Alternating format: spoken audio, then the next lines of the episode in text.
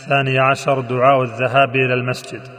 اللهم اجعل في قلبي نورا وفي لساني نورا وفي سمعي نورا وفي بصري نورا ومن فوقي نورا ومن تحتي نورا وعن يميني نورا وعن شمالي نورا ومن أمامي نورا ومن خلفي نورا واجعل في نفسي نورا وأعظم لي نورا وعظم لي نورا.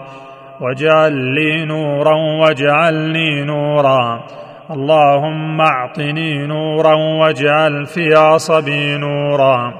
وفي لحمي نورا وفي دمي نورا وفي شعري نورا. وفي بشري نورا. اللهم اجعل لي نورا في قبري. ونورا في عظامي. وزدني نورا وزدني نورا وزدني نورا. وهب لي نورا على نور.